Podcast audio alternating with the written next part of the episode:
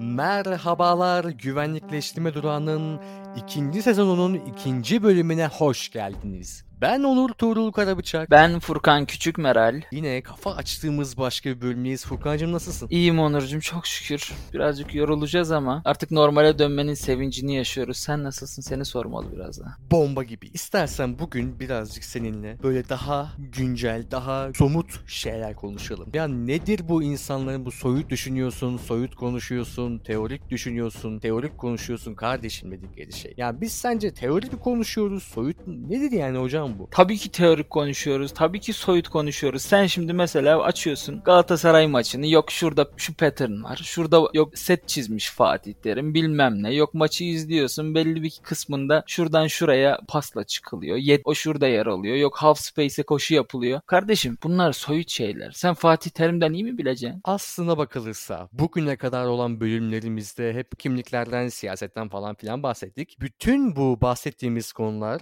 aslında oldukça somut konular ve oldukça somut şekilde bahset. Bunu biraz da kişisel olarak biraz da disiplinli düşünmenin getirisi olarak ayırmak istiyorum. İnsanların soyut düşünüyorsunuz dedikleri şey aslında biraz stratejik bir argüman. Bu soyut düşünmeyi düşünürlerin kendileri de kullanıyorlar. Çünkü düşünme eylemini yani soru sorarak ve o sorulara cevap vererek düşünmenin ve bu sorulara her cevap verişinde sahadan gerçeklikten yaşananlardan kanıtlar sunmanın bu davranışın sadece elitlere has olmasını, sadece bu işi yapanlara has olmasını yani bir fil dişi kulesi çekilmesini bu işin ve dolayısıyla bu yorucu işlemin gündelik hayattan çekilmesini ortaya çıkartan bir şey aslında. Yani oldukça stratejik ve dolayısıyla da politik bir söylem. Burada neden somut konuşuyoruz, neden soyut konuşmak diye bir şey aslında yok. Şöyle söyleyeyim. Mesela ya Furkan sen hep böylesin ya. Sen hep böylesin tarzında bir şey söylediğimizde aklıma ilk benim şu sorular geliyor. Ben nasıl? Beni neye göre böyle olarak yargıladın? Ben hep mi böyleydim? Hep'i tanımlar mısın? Bir haftadır mı böyleyim? İki yıldır mı böyleyim? Doğduğumdan beri mi böyleyim? Patern haline mi gitti? Veya bu durum genellenebilir bir durum mu? Tarzında ne, nasıl, neden gibi soruları sorarak ve karşılığında somut kanıtlar, tarihten örnekler veya günümüzden örnekler isteyerek aslında somut düşünüyorum. Yani hep böylesin diye bir yargı koymak veya X kişisinin liderlik vasfı yok demek veya Y ülkesinin dünya lideri olduğunu söyleme kadar soyut şeyler aslında yok. Somut olan şey bunların nasıl olduğu, hangi stratejileri kullandığı ve benim bunları neye göre analiz edip somut konuşmuş olurum. Yani biz bu programda bugüne kadar hep aslında daha somut olana doğru yöneldik. Biz insanlar gündelik yaşamlarımıza nesnelere anlamlar yükleyerek aslında yaşadığımız somut dünyayı daha da soyutlaştırıyoruz ve yargılarımızı çok son derece disiplinsiz şekilde koyarak, disiplinsiz şekilde düşünerek daha da soyut düşünen aslında gündelik yaşamdaki insanlarız. Yine biziz, yine bizleriz, sizlersiniz. Fakat disiplin düşünmeye başladığımız zaman tam tersine tekrardan somutlaştırmaya başlıyoruz. Çok doluyuz arkadaşlar. O yüzden bu soyut somut kısmına biraz takıldık. Az önce yaptığım şakaydı tabii ki. İnsanlar pek soyut somut ayrımını ya da bunun düşünceye nasıl uygulandığını pek tecrübe etmedikleri için sevgili Musa, bu yöntemi denemedikleri için daha doğrusu çok alışkın değiller bu tarza. Ama sen şimdi onlara farklı bir yöntemle gidiyorsun. Nasıl bir yöntemle gidiyorsun? Diyorsun ki bu bu var. Diyorsun ki bu nasıl var? Neden var? Bunları bir inceliyorsun. Şimdi güvenliğin olayı da şu. Özellikle kritik eleştirel güvenlik çalışmaları mı diyeyim artık. Bu çalışmanın daha doğrusu bu alanın özelliği şu. Şimdi çok ince bir çizgi var diyor Pınar Hoca. Malum.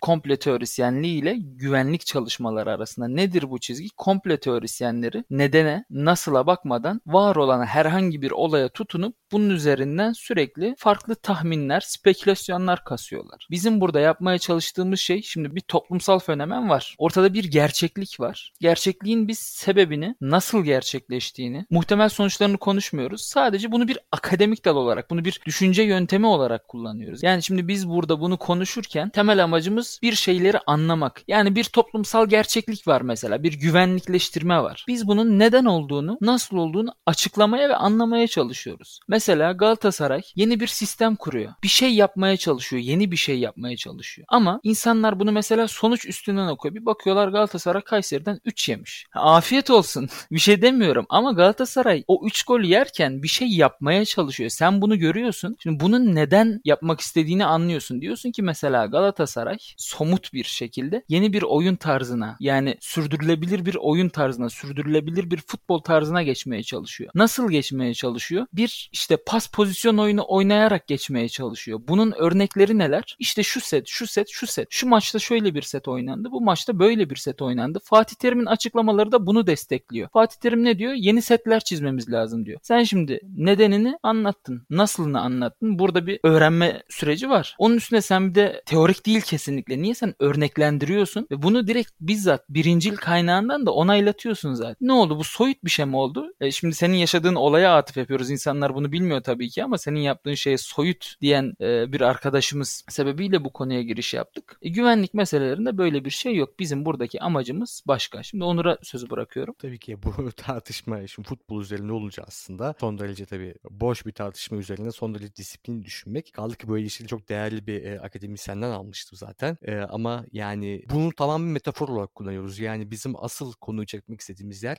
tabii ki de siyaset, tabii ki de güvenlik. Aynı örnekleri siyaset üzerinde sık sık gördüğümüz için ve siyasi tartışma üzerinde, siyasi tartışma üzerinde sık sık gördüğümüz için söylüyoruz. Yani benim bir analist olarak Furkan'ın verdiği örnekten gidersek eğer amacım mesela eğer Galatasaray'ı analiz ediyorsam Fatih Terim'in neyi neden yaptığını tahmin etmeye çalışıyorum. Bu tahmini de dediği gibi nasıl ve nedeni dayandırarak yapmaya çalışıyorum. Ancak ben bir şeyin varlığını söylediğimde yani ontolojik bir argümanla bulunduğumda, metodolojisini söylediğimde yani sorular sorup ve baktığım kanıt işte paternleri incelediğimde epistemolojisini ve ontolojisini işine halletmiş oluyorum. Ancak işin etik tarafına yani bu iyidir kötüdür, bu olmalıdır olmamalıdır, bu doğrudur, bu yanlıştır bu gibi sorular işte o zaman yargılamaya başlıyoruz. Ve bu gibi soruları, bu gibi yargıları koymak için çok daha sofistik olmak gerekiyor ve bu gibi yargılar çoğunlukla siyasi tartışmada ön plana çıkıyor. Yani insanlar işin epistemolojisini ve ontolojisini yani ne var ne yok, nasıl anladım, nasıl anlayamadım, nasıl anlayabilirim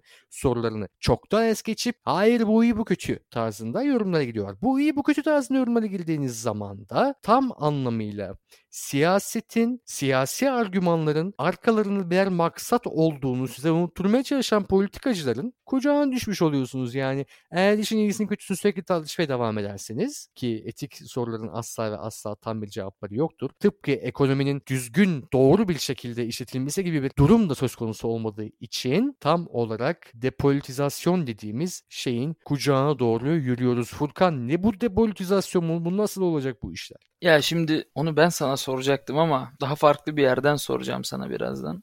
Şimdi bu depolitizasyonu biz normalde ne olarak kullanıyoruz? Politizasyon, depolitizasyon. Politizasyon bir meseleyi siyaset sahasının yani konuşulabilir, tartışılabilir sahanın içerisine sokmak ve bu e, bu konuda insanların kendi düşüncelerini ifade edebilmelerini sağlamak gibi kısa bir şekilde açıklama yapabiliriz. Depolitizasyon da bunun tam tersi. Politik alandan çıkarıyorum, tartışılamaz bir hale getiriyorum. Yalnızca karar vericilerin üstünde düşünüp kimseye tartıştırmadan karar verebileceği bir alan olarak düşünüyoruz. Şimdi burada bizim farklı tartışmalarımız da oldu Onur'la. O konulara şimdi girmeyeceğiz. Belki ilerleyen bölümlerde girebiliriz ama basitçe anlatmak gerekirse olayımız bu. Şimdi benim Onur'a soracağım soru şu. Şimdi biz güvenlik konuşuyoruz malum. Güvenlik politik midir hocam? He? Ne diyorsun? Bir de yani atıyorum güvenlik politiktir ya da politik değildir. Ne yapalım? Yani bir cevap vereceğiz. Güvenlik politiktir diyeceksin ya da politik değildir diyeceksin. E tamam. Ne oldu şimdi? Bu bizim neyimize yarayacak? Güvenliğin kendisi politiktir. Güvenliğin politik olmadığını söylemenin kendisi politiktir. Sonuç olarak hepsi politiktir hocam.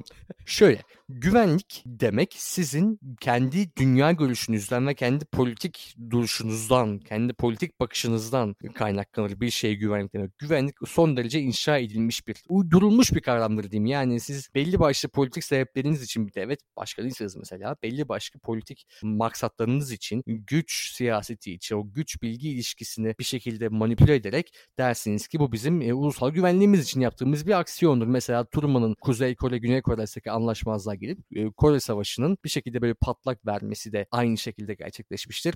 Truman aslında ABD'nin dışarıdaki üslerden geri çekilmesini destekleyen bir söylemle iktidara gelmiş. Bu söylemi destekleyen bir toplumsal taban var. Fakat bir yerden sonra komünizme karşı mücadele ve korku artıyor ABD, ABD toplumunda. Böyle bir talep de oluşuyor. Kamuoyu görüşlerinin dengesi değişmeye başlıyor. Truman çeşitli do, e, iç siyasetteki aksiyonları sebebiyle sıkışmaya başlıyor ve bir çözüm yolu olarak Kuzey Kore'nin Güney Kore anlaşmasını bozduğu, belli 38. maddede geçtiği durumu görerek bunu Sovyetler Birliği'nin planladığı, bu komünizmi yenme çabası olduğu ve ABD'nin de kendi yaşam tarzına bu müdahalenin gerçekleşmeyeceğini garanti altına almak için Kore'ye asker çıkardığını görüyoruz. Şimdi hocam o zaman burada bir sorum olacak. Yani sen şey mi diyorsun? Amerika bu Kuzey Kore ile Güney Kore arasındaki savaşa şey diyebilir miydi? Ya dünyanın herhangi bir yerindeki herhangi bir iç savaş hadi kınayak geçek. Böyle bu tarz bir şey söyleyebilir miydi yani eğer ki böyle bir tercihte bulunmak istese? Bunu mu diyoruz yani bu Amerika'nın güvenliğine bir tehdit olmaya da bilir ama Amerika bunu böyle inşa etti diyoruz değil mi burada? Evet Truman ve kabinesi bunu ve etrafındakiler bunu stratejik olarak politik bir amaçla böyle inşa ettiler. Böyle lanse ettiler. Onların tercihleri güvenliği belirledi. Bu tercihlerin kendileri politik. Bu yüzden güvenlik politiktir. Ve bunu bilmek ne işe yarar demiştin değil mi? Bunu bilmek paradigmayı yani düşünce alışkanlığınızı, düşünce yönteminizi yani düşünürken kendi kendinize her zaman bir şeye referans verirsiniz. Yani bir referans noktası, bir kıyas noktası olur. İnsan zihni ve çoğumuz günlük hayatlarımızda bazı şeyleri kıyaslar. Mesela hangi siyasi partinin diğerinden farklı olduğunu veya iyi veya kötü olduğunu da bu etik argümanda kıyaslayarak yaparız bir şekilde. Kafamızda belli noktalar vardır. Fakat mesela bizim siyasete karşı, siyasete dair bilgimiz çok sınırlıdır. Bu hep ilk sezonda da söylediğimiz bir şeydi. Yani bu siyasi bilgiyi biz nereden alıyoruz? Günlük yaşamımızdan, kimlik, e, siyasi kendi çıkarlarımızdan, mücadelemizden ve de medyadan alıyoruz. E, dolayısıyla bazen bir dizi bile sizin referans tuttuğunuz olabilir ki artık günümüz siyasetinde bu çok yaygın bir şekilde gözüküyor. Bu işte bu dediğimiz bu güvenliğin politik olduğunu bilmek sizi bir kere hamasete karşı korur. Yani hamasi söylenenlerin de bu bizim işte milli güvenlik meselemizdir. Bu partiler üzeri bir durumdur. Bu siyaset üzeri bir durumdur. Bir kere arkadaşlar siyaset üzeri, ideolojiler üzeri, partiler üzeri hiçbir şey yoktur. Bu söylemin kendisi zaten siyasidir ve parti politikasının bir parçasıdır. Belli bir aksiyonu gerçekleştirmek için veya kamuoyunda belli bir konsolide etme işlemi yaratmak için söylenen bir sözdür ve son derece stratejik, son derece söyleyenin kendi çıkarını düşündüğü, kendi siyasi maksadını, kendi siyasi pozisyonunu düşündüğü bir söylemdir. Sizin kıyas noktalarınızı daha disipline edilmiş şekilde düşünmenizi sağlar. Yani nasıl, neden,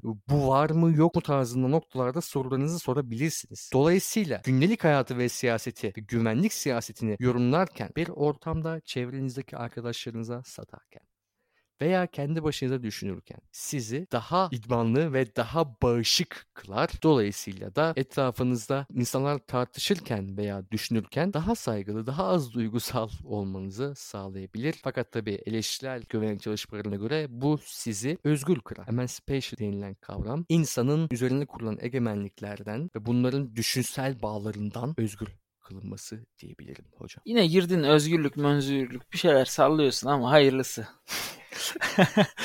ya şimdi şöyle bir şey soracağım. Bu hani özgürlük falan diyoruz ya ben burada bir, bir şeyi anlamıyorum yani. Bizi nasıl özgür kılacak? Şimdi hadi ben bunun senin söylediğin şekilde anladım tamam mı? Ben bu fikirlere artık düşmüyorum. Ama bu benim özgürlüğüme nasıl yarayacak? Yani nasıl özgürleştirecek abicim beni? Yani bu kritik güvenlik çalışmaları, emancipatory, hani özgürleşmeci güvenlik çalışmaları diyelim. Hani halkların özgürleşmesi lazım tarzı. Ne yapıyor bunlar? Hani klasik güvenlikçilere yani klasik güvenlikçilerden kastım hemen açıklayayım önce bir akıllarda soru işareti kalmasın. Klasik güvenlik nedir? Güvenlik tehdidinin bir devletten kuvvet kullanma tehdidi ya yahut kuvvet direkt olarak kuvvet kullanma tehdidi olarak. Yani nedir bu? Sovyetler döneminde Sovyetler ulan Sovyetler bize nükleer atacak mı? Amerika bizi bombalayacak mı? Korkusu bir güvenlik tehdididir. Bunun dışında bir güvenlik tehdidi yoktur o dönem için. Niye? Bu klasik bir şey. O dönem için var olan tehdit yalnızca iki devletin birbirine birbiriyle savaşması, birbirlerini bombalaması olarak gözüküyor. Hala daha klasik çalışmalar devam ediyor tabii ki ama kritik çalışmalar ortaya çıktığı zaman diyor ki ya sen orada bir dur. Buna bir muhalefet ediyoruz biz diyor. Benim burada şerh düşmem lazım. Çok farklı konuları da güvenlik alanının iç- içerisinde değerlendirmemiz lazım diyor. Mesela iklimi bu konu içerisinde değerlendirmeliyiz diyor. Tamam mı? Ama neden? Yani bu beni nasıl özgür kılabilir ki? Tamam ben bunu öğrendim, biliyorum, anlıyorum. Nasılını, nedenini açıklayabiliyorum hem kendime hem de çevremdeki insanlara. Ben bunları satıyorum mesela. Arkadaş ortamında masalarda satıyorum da ben bundan nasıl özgürleşeceğim? Neyime yarayacak abi? Demokraside yaşıyoruz. Kamuoyu görüşünün siyasilerde bir talep oluşturduğu bir dünyada yaşıyoruz. Senin düşünce paradigmalarının düze- düzenlerinin bu şekilde özgürleşmesi veya bilinçlenmesi veya senin hamasete karşı bağışıklık oluşturman, diğerlerinin oluşturması, bunun bölünerek çoğalması, gitgide yaygınlaşması ve bu ihtimal bile siyasilerin söylemlerini değiştirecek. Yani bu kez ne olacak? E, siyasi söylemi zaten bir söylemi denersin eğer tutmuyorsa değiştirirsin başka bir yöne geçersin. Mesela iktidar partisi Türkiye'de bunu 20 yıldır yapıyor, deniyor, olmuyor, tekrarlanıyor ve bu deneme yanılma yöntemiyle oluşan fakat arz talep ilişkisine bakan bir durum. Yani eğer insanlar bu duruma bağışıklık kazanırsa hamaset söylemini tutmamaya başlar. Hamaset söylemlerini tutmamaya başlarsa siyasiler daha politize yani daha böyle politik alana çekecekleri argümanlarla konuşurlar. Yani bizim iklim krizini mantıklı veya mevcut siyasi güç ilişkilerini farkında olarak konuşabildiğimiz, buna bir çözüm üretebildiğimiz veya çözüm üretmek demeyelim de iklim krizi hakkında insanların özgürce düşünebildiği, özgürce konuşabildiği özgürce politika üretebildiği ve bu politikaların toplumun alt kesimlerini etkileyebildiği bir e, yola götürür. Yani sadece fabrika sahiplerinin bacalarına filtre takmamalarını istedikleri bir ortamda bizim bomboş iklim tehdidinin tehlikesini konuşup hatta Trump'ın çıkıp böyle bir şey yok demesini bunları ortadan kaldırmış oluruz. Yani bunları en azından demokrasinin bize sağladığı meşruiyet krizinin bize sağladığı o düşünsel silahla, kamuoyu görüşü silahıyla değiştirilmiş olur ve bu tartışmalarımızın bir işe yaramasına mesela yol verebiliriz diyeyim. Aynen öyle. Ben de bu cevabı bekliyordum senden. Şimdi bunu konuşuyoruz, ediyoruz, eğiliyoruz mesela. Hadi güvenlikten bahsediyoruz falan. İnsanların şeyi düşünebileceğini düşünüyorum. Yani e, tamam ne oldu şimdi? Çok fazla soruluyor ya bu Frankler de çok sorar. So what? Hani bu benim neyime yarayacak sorusu çok önemli. Hani bir şeylere yaraması lazım. Ha, şöyle bir şey bir demokrasi tek bir şerh düşeceğim. Bir demokrasi içerisinde yaşıyoruz sözüne şerh düşmem lazım. Zira bir demokrasi içerisinde maalesef ki yaşamıyoruz. Öğrencilik hayatımın bittiği an olabilir bu an. Bakalım hayırlısı diyorum öncelikle. Artık programımızın yavaş yavaş sonuna geliyoruz sanırım. Ufak bir şekilde toparlayalım. Öncelikle ne dedik? Bir soyut somut muhabbetine girdik. Onu Fatih Terim üzerinden açıkladık. Gayet güzel bir şekilde Galatasaray üzerinden açıkladık. Galatasaray'ın yeni oyunu yoktur diyen yalan söylüyordur ve bu bizatihi politik bir argümandır hocam. Yanlış mıyım? Değilim. Değilim. Çok açık bir şey ya. Bileceksin yani. Bundan ayrı olarak ne yaptık? Güvenlik politik midir? Değil midir? Nedir? Bu konuyu konuştuk. Sen dedin ki güvenlik politiktir. Güvenlik politik değildir demek bizatihi politiktir dedin. Bunu da nereden alıntıladık? Pınar Bilgin hocamızın yüce bilgilerinden alıntıladık. Tabii ki mutlaka konuyla ilgili olanlar Pınar Bilgin'in çalışmalarına danışmak zorunda. Yani başka bir alternatifleri yok. Kendisi çok bilinen bir e, akademisyen. Ve son olarak neyi konuştuk? Ya hocam dedik biz bu bunu öğreneceğiz, tamam edeceğiz, eğileceğiz ama bu bizim neyimize yarayacağızı konuştuk. Sen de çok güzel bir açıklama getirdin orada. Özellikle özgürleşmeci güvenlik çalışmaları diye tabir edebileceğimiz alanın yani bunu dinlemenin insanlara neler katabileceğini konuştuk son olarak da. Dediğimiz gibi siz bizi dinleyin. Tamam mı? Birazcık kafanız açılsın. Bizim kafamız her ders çok açılıyor mesela. Onur'a ben söylemiştim. Onur dedim ya bak gel Pınar Hoca'dan dersi alalım. Ben bir dersini aldım. Kafam şu an aydınlık ayna gibi. Yemin ediyorum bak. Onur dedi tamam hadi gelelim bakalım. Geldi. Ondan sonra bir dinledi. Çocuğun kafası ilk dersten açıldı arkadaşlar. Sizlere de tavsiye ediyorum yani makalelerini okuyun Sayın Pınar Bilgin'in. Bir bölümümüzün daha sonuna geldik. İkinci sezonun ikinci bölümünü bitirdik. Ben Furkan Küçükmeral. Ben Onur Tuğrul Karabıçak ve Furkan'ın son dediği demokraside mi yaşıyoruz sorusu da diğer bölümümüzün konusu oluyor böylece. Çok teşekkürler bizi dinlediğiniz için. Görüşmek üzere arkadaşlar. İyi dinlemeler.